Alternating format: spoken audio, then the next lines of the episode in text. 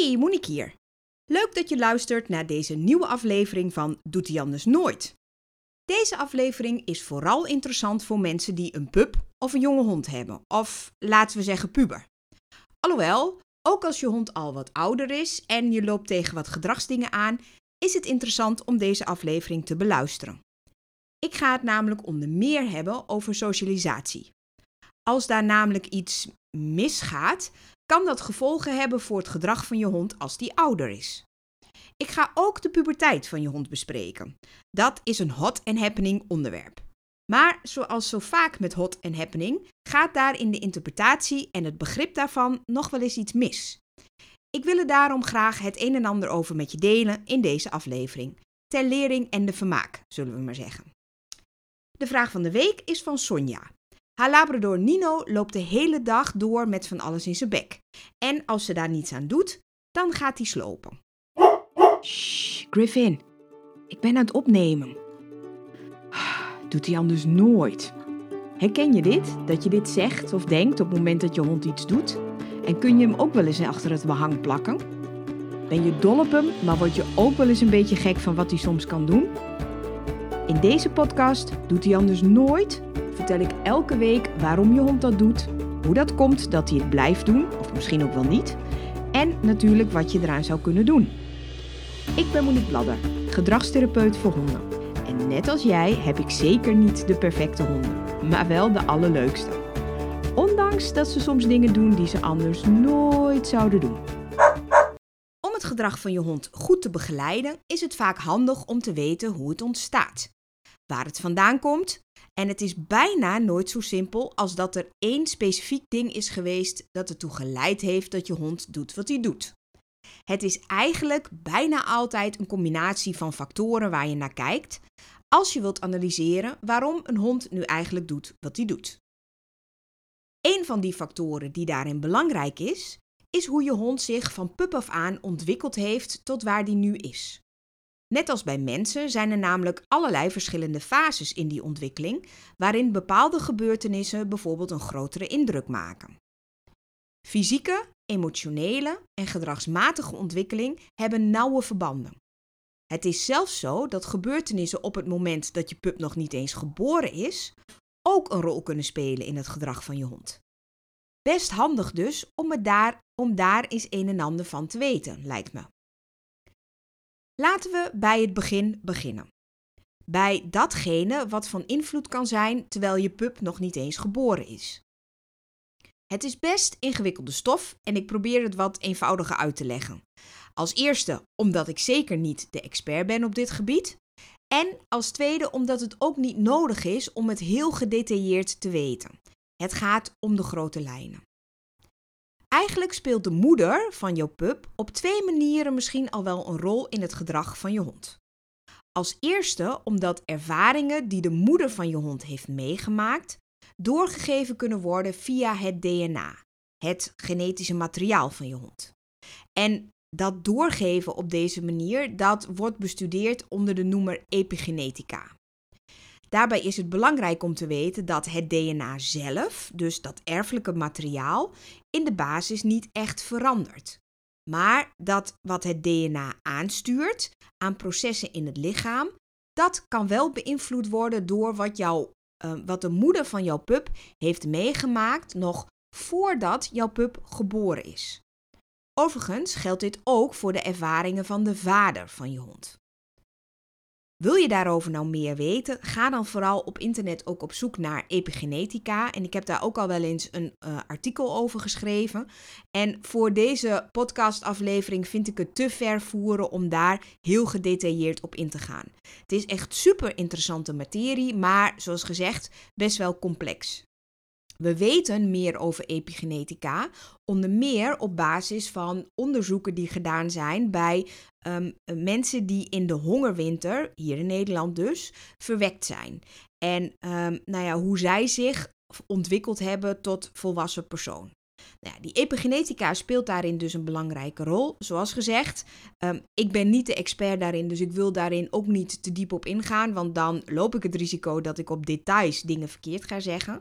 Maar uh, het is gewoon belangrijk om je te realiseren dat dat wat, jou, wat de moeder van jouw pup ehm, heeft meegemaakt eerder, dat dat van invloed kan zijn op het gedrag van jouw hond. Daarnaast weten we dat het zenuwstelsel van een pup, nou ja, ook weer wat simplistisch uitgelegd, maar overmatig gevoelig kan zijn en kan reageren als de moeder van je pup in de laatste drie weken van de dracht, van jouw pup dus, stress ervaren heeft. Let wel, dit hoeft niet zo te zijn, maar het kan. En ik denk zelf dat het bijvoorbeeld een verklaring zou kunnen zijn voor het feit dat, je, dat ik wel eens pups zie die um, een moeder hebben in het buitenland. Die moeder is hier naartoe gebracht. De moeder is hier bevallen van de pups. En die pups hebben hier gewoon een supergoeie start gehad. Gewoon zoals elke andere, um, uh, hopelijk uh, nou ja, vanuit een goed nest geboren, zeg maar, pup zou hebben. En toch zie ik nog wel eens bij dat soort pups dat er toch allerlei probleemgedrag ontstaat die niet um, te relateren is aan hoe een eigenaar ermee omgaat, um, maar die dus in elk geval lijken hun oorsprong lijken te hebben in de periode daarvoor. De moeders van deze pups hebben meestal niet zo'n goed leven gehad, want die honden worden natuurlijk niet voor niks hier naar Nederland gehaald onder meer. En er is dus een aanzienlijk groot risico dat die moeders in de laatste drie weken van de dracht stress ervaren hebben. En die stress van die moeder kan er dus voor zorgen dat het zenuwstelsel van de pups, zeg maar, overmatig gevoelig ontwikkeld um, raken, worden. En daar zitten dus ja, wat, gevoeligheden voor bijvoorbeeld stress. Geldt dus zeker niet voor elke pup uh, die een moeder heeft die in die laatste drie weken van de dracht stress ervaren heeft. En want voordat ik daarmee um, daar allerlei suggesties wek. Het is ook zeker niet zo dat dit alleen maar geldt voor honden vanuit het buitenland. En er zijn ook honden die vanuit het buitenland komen waarbij dit geen issue is. Laat ik dat heel duidelijk zeggen. Dit kan ook een probleem zijn bij honden die bij een goede fokker tussen haakjes eh, geboren worden. Waarbij er bijvoorbeeld in die laatste drie weken van de dracht iets gebeurt waar bijvoorbeeld die fokker ook niet eens iets aan kan doen. Maar die wel een impact kunnen hebben op de pups en de aanleg van het zenuwstelsel. Die laatste drie weken van de dracht doen er dus heel erg toe. En als een van deze twee dingen, dus die epigenetica of die stress, of misschien zelfs beide, bij je hond aan de hand zijn, is het belangrijk je te realiseren dat je dat niet helemaal kunt omdraaien. Er is namelijk dan sprake van een aantal fysieke eigenschappen die verankerd zitten in je hond. Laat je ook niet ontmoedigen. Ik zeg zeker niet dat je het gedrag van je hond dan niet kunt verbeteren. Maar het is gewoon belangrijk om reëel te zijn en dat je weet dat je prognose mogelijk iets anders is dan bij een hond waarbij dit niet aan de hand is. Vanaf het moment dat je pup geboren is, gebeurt er natuurlijk al van alles om hem heen. Maar in die eerste drie weken heeft het niet heel veel direct invloed op je hond. Hij kan in eerste instantie nog niet staan en hij hoort en hij ziet ook nog niet. Maar er zijn dan dus maar een paar dingen waar hij op reageert. Als het te warm is, gaat hij bij zijn nestgenoten liggen. Als het te koud is, gaat hij apart liggen. En verder zoekt hij bijvoorbeeld de tepel van zijn moeder op. Als hij pijn heeft, gaat hij piepen. In deze eerste weken is de ontwikkeling van je pup vooral gericht op zijn lichamelijke groei, op zijn fysieke groei en de doorontwikkeling van zijn zenuwstelsel. En er is bijvoorbeeld onderzoek gedaan waaruit blijkt dat pups die in deze periode geregeld aangeraakt worden en door een fokker gehanteerd worden, dat die later beter met stress kunnen omgaan. Dus deze eerste periode kan zeker wel um, ja, iets doen in de ontwikkeling van je pup, maar dat gaat toch echt wel meer over het fysieke stuk. Als je pupje drie weken oud is, kan die staan, kan die lopen en functioneren zijn ogen, zijn oren, zijn neus zoals het zou moeten. En dit is het moment waarop hij begint te leren. In deze fase, dus vanaf dat hij drie weken oud is, gaat hij dat wat hij doet, zijn gedrag, aanpassen aan de dingen die hij meemaakt en aan de dingen die om hem heen gebeuren. En dit is de primaire socialisatieperiode. Die begint dus met drie weken en die loopt tot het moment dat je pup rond de vijf weken oud is. En het is belangrijk om hier ook eventjes in het fysieke stukje te duiken. Dit is namelijk de periode en de leeftijd waarop bij je pup het zogenoemde autonome zenuwstelsel nog in ontwikkeling is. En dat autonome zenuwstelsel, ik vind het zelf altijd een lastig en ingewikkeld woord en ik moet het nog geregeld opzoeken. Uh, maar het autonome zenuwstelsel is het deel van het zenuwstelsel van je hond dat verantwoordelijk is voor alles wat in het lichaam niet bewust wordt aangestuurd. Denk dan bijvoorbeeld aan de hartslag. Denk aan de spijsvertering of hoe je bijnieren werken bijvoorbeeld. Dat zijn allemaal automatische processen waar jij niet over nadenkt en die gaan zoals ze gaan. En dit autonome zenuwstelsel is eigenlijk ook weer opgedeeld. Het heeft grofweg twee functies. Het ene deel zorgt ervoor dat een lichaam kan herstellen, dat een lichaam kan rusten en dat alle processen die daarbij van belang zijn, dat die um, nou ja, het goed doen, zeg maar. Dit is wat we noemen het parasympathische deel. Het andere deel van het autonome zenuwstelsel doet juist het tegenovergestelde. Dit deel zorgt ervoor dat het lichaam van je pup actief kan zijn, bijvoorbeeld bij inspanning of in een noodsituatie. En dit deel, dat actieve deel zeg maar, dat is het sympathische deel van het autonome zenuwstelsel. In de primaire socialisatieperiode, dus als je pup tussen de drie en de vijf weken oud is, is dat sympathische deel nog niet helemaal ontwikkeld. Dus dat is het deel dat zorgt voor actie, voor inspanning en om goed te kunnen reageren op het moment dat er iets bedreigend is. En omdat dat sympathische deel simpelweg nog niet um, goed ontwikkeld is, kan je pup ook gewoonweg nog niet bang zijn. Pups zijn in deze periode, dus tussen de drie en de vijf weken oud, heel nieuwsgierig zonder dat nieuwe dingen ze bang maakt. Het is dus een ideale periode om pups kennis te laten maken met wat ze in de toekomst gaan zien, ruiken, horen, voelen, ervaren. Een huis met alles wat daarbij hoort, zoals de stofzuiger, de wasmachine, bezoek, ga zo maar door. En die drie tot en met vijf weken is ook de ideale periode om je hond te leren lopen op verschillende soorten ondergronden. Dat is een goede start van de socialisatie. En daar is die dan. Het magische woord als het gaat om pups en hun gedrag: socialisatie. Daarover is jarenlang een heel verkeerd beeld de wereld in geslingerd. Een beeld dat behoorlijk genuanceerd moet worden, wat mij betreft. Vroeger, zei oma, was het idee dat socialisatie betekende dat je je hond moest kennis laten maken met allerlei dingen waarmee je pup als volwassen hond ook mee geconfronteerd zou worden. Dan was het idee, zou die eraan wennen. Inmiddels weten we dat dat toch wel iets anders, of in elk geval wat genuanceerder ligt. Het is absoluut belangrijk om allerlei prikkels op te zoeken op het moment dat jij nog een pup hebt die nog in ontwikkeling is. Maar socialiseren is niet confronteren. Socialiseren is niet het opzoeken van prikkels en dan maar gewoon zien wat er gebeurt. Socialiseren is ervoor zorgen dat je pup neutrale tot positieve associaties opdoet met dingen in zijn omgeving. Het is het proces waarin hij leert over zijn omgeving en waarbij allerlei sociaal gedrag wordt geleerd. Het gaat hierbij dus om ervaringen met sociale en niet-sociale prikkels. Levende dingen en niet levende dingen, om het maar even makkelijker uit te drukken. En tijdens de socialisatieperiodes gaat je pup deze prikkels, dus die levende en die niet levende dingen, koppelen aan positieve en negatieve emoties. Dingen die leuk zijn, dingen die niet leuk zijn. Praktisch al het gedrag van een hond wordt in belangrijke mate beïnvloed door de ervaring die hij als pup had en de manier waarop die behandeld werd, blijkt het onderzoek. En dus daarom is die socialisatie zo belangrijk. En daarom is het ook belangrijk om te weten hoe het werkt en wat je wel en niet moet doen.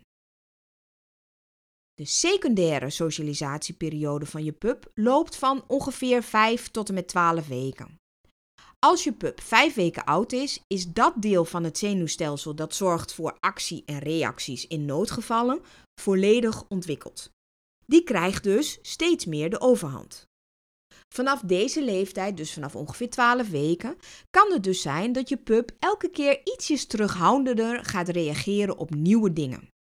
En dit bereikt het hoogtepunt op het moment dat je pup ongeveer 8 weken is en die terughoudendheid stabiliseert rond ongeveer de 12 weken oud.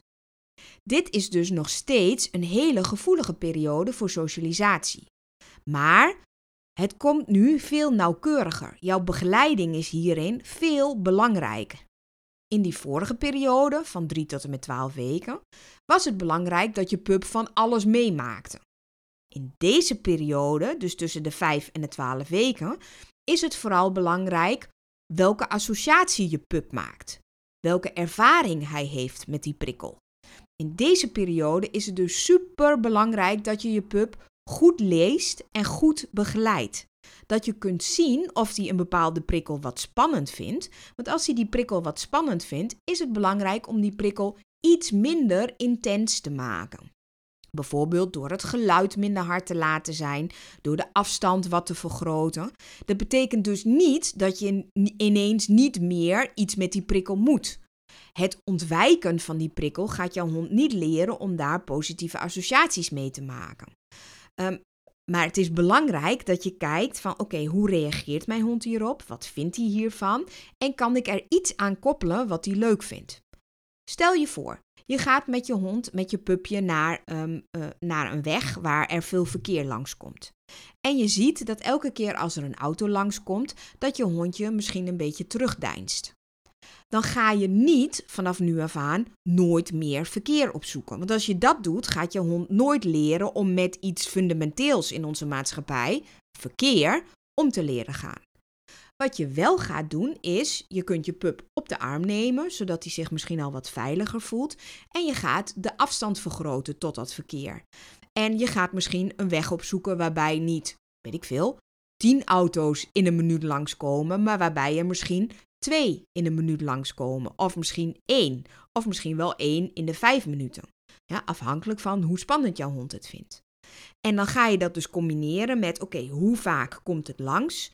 Hoe dichtbij is het? En dan zoek je een plekje op waar jouw pup er wel naar kan kijken, maar er niet van schrikt. Dat kan bijvoorbeeld, hè, en dan kan het dus heel goed zijn dat het kan helpen dat je je pup op de arm hebt. En je kijkt of die op het moment dat hij naar die auto gekeken heeft, dat hij misschien een voertje wil aannemen.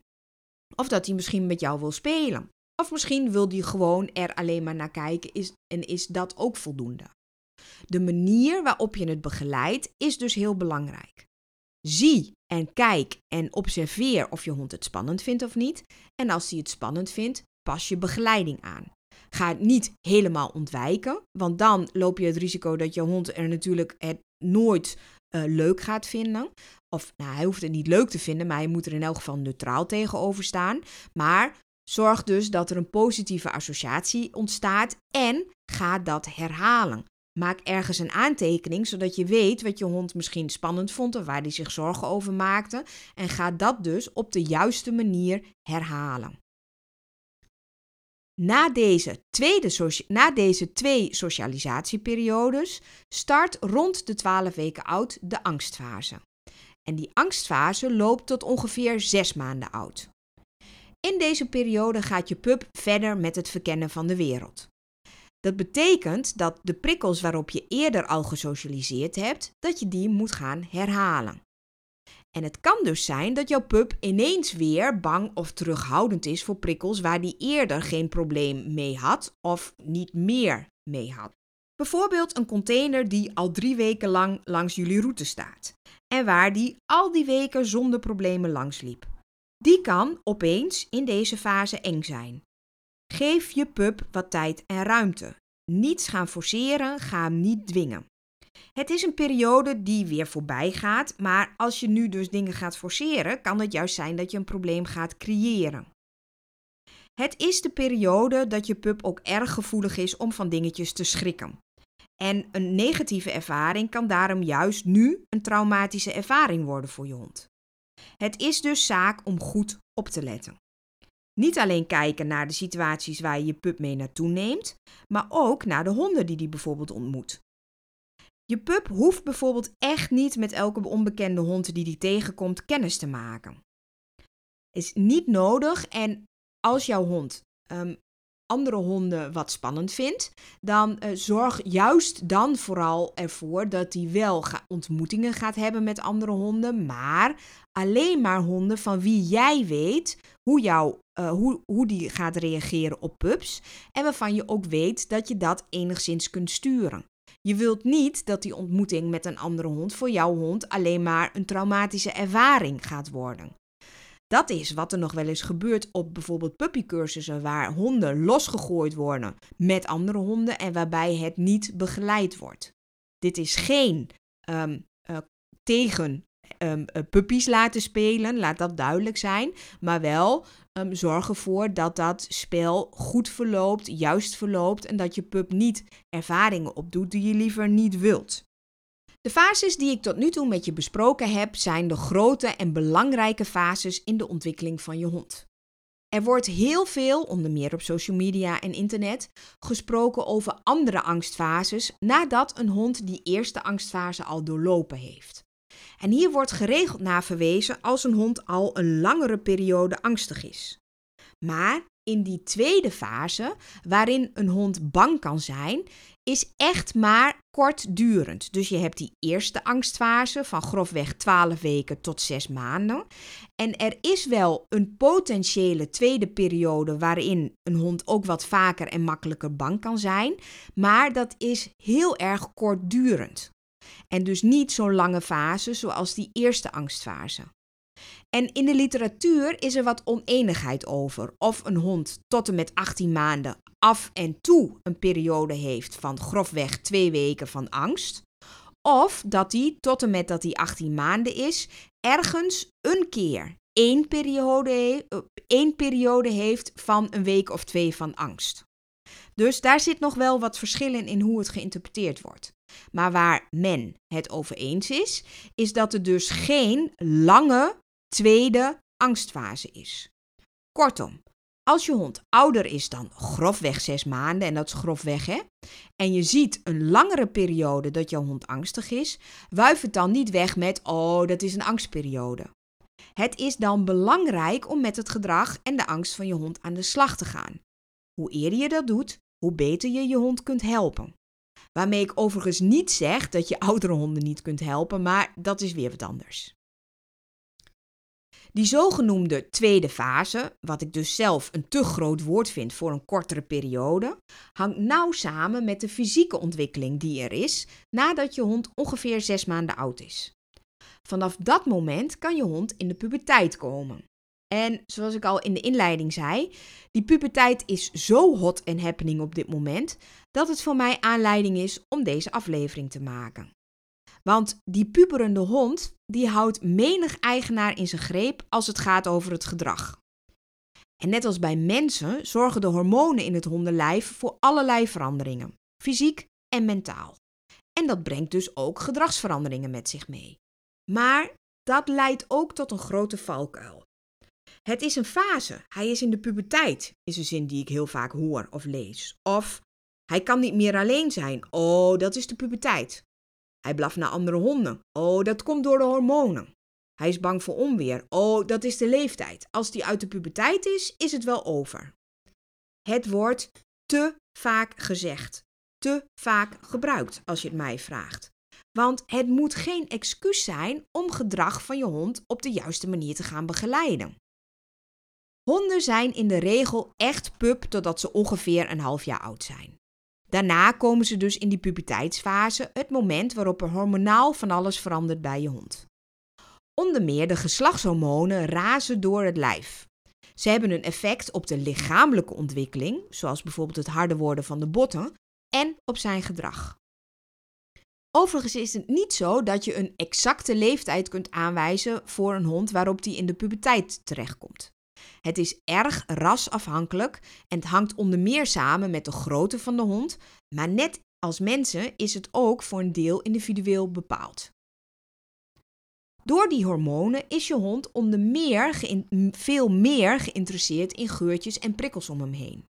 Hij lijkt dingen die hij in het verleden makkelijk kon, helemaal vergeten te zijn. Zijn hoofd en zijn lijf is bezig met allerlei andere dingen om hem heen. Dat maakt dat het in deze periode erg belangrijk is dat je geduld hebt en houdt. Dat je oefeningen waarvan je dacht dat je hond ze beheerste, opnieuw gaat bekrachtigen met voer of spel. Je doet een stapje terug, zodat je zeker weet dat je verder bouwt op iets wat je al aangeleerd had.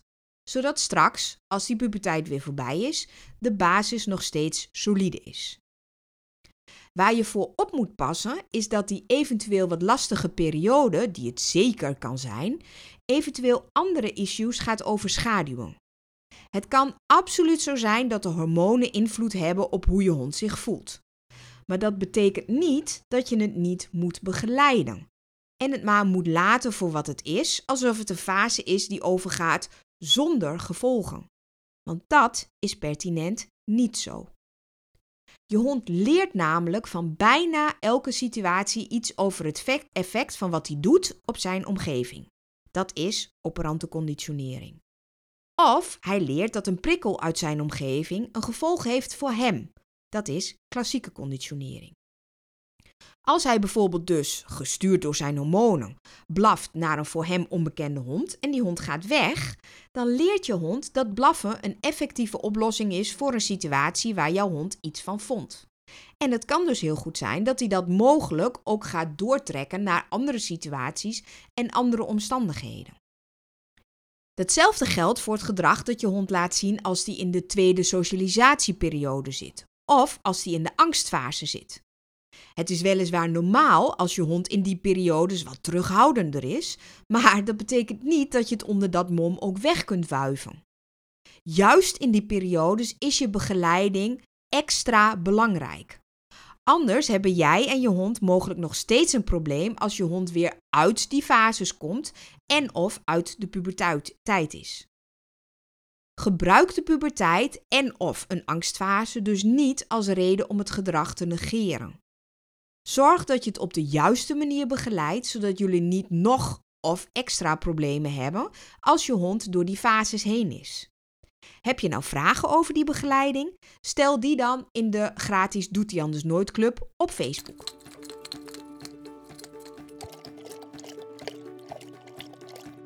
De Doet hij anders nooit vraag van de week. Onze labrador Nino van anderhalf heeft een voor mij lastig op te lossen probleem. Wij hebben Nino gekregen toen hij negen maanden oud was. Vanaf het begin was niets in huis veilig voor hem. Kussens, afstandsbedieningen, schoenen, telefoons enzovoort kunnen wij niet gewoon in de kamer hebben liggen.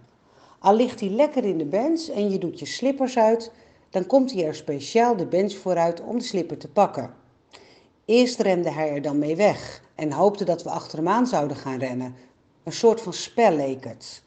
Hebben we niet gedaan. We liepen rustig op hem af en pakten de slipper vast, vlak bij de bek, waarna hij de slipper losliet. Hebben wij niet in de gaten dat hij bijvoorbeeld het kussen van de bank houdt, dan gaat hij het kussen kapot bijten. Nino blijft dit gedrag de hele dag door laten zien met allerlei verschillende voorwerpen. Hij haalde zelfs de tulpen uit de bloemenvaas. Hoe kan ik dit doorbreken? Kun jij mij misschien op het goede spoor zetten? Alvast bedankt. Groetjes, Sonja. Dankjewel voor je vraag, Sonja. Het eerste dat me te binnen schiet als ik jouw vraag hoor, is dat je een hond hebt die onder meer doet waar die voor gefokt is. Namelijk dingen dragen en vasthouden. Retrievers zijn ervoor gefokt om dingen naar een eigenaar te komen brengen. Nu verschilt een geschoten eend of een haas natuurlijk wel fundamenteel van de afstandsbediening of een schoen. Maar dat neemt niet weg dat het dragen van iets voor jouw hond als retriever zijnde heel specifiek prettig kan zijn.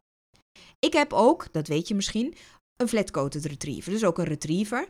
En eh, die vindt het ook heel erg fijn om dingen te dragen.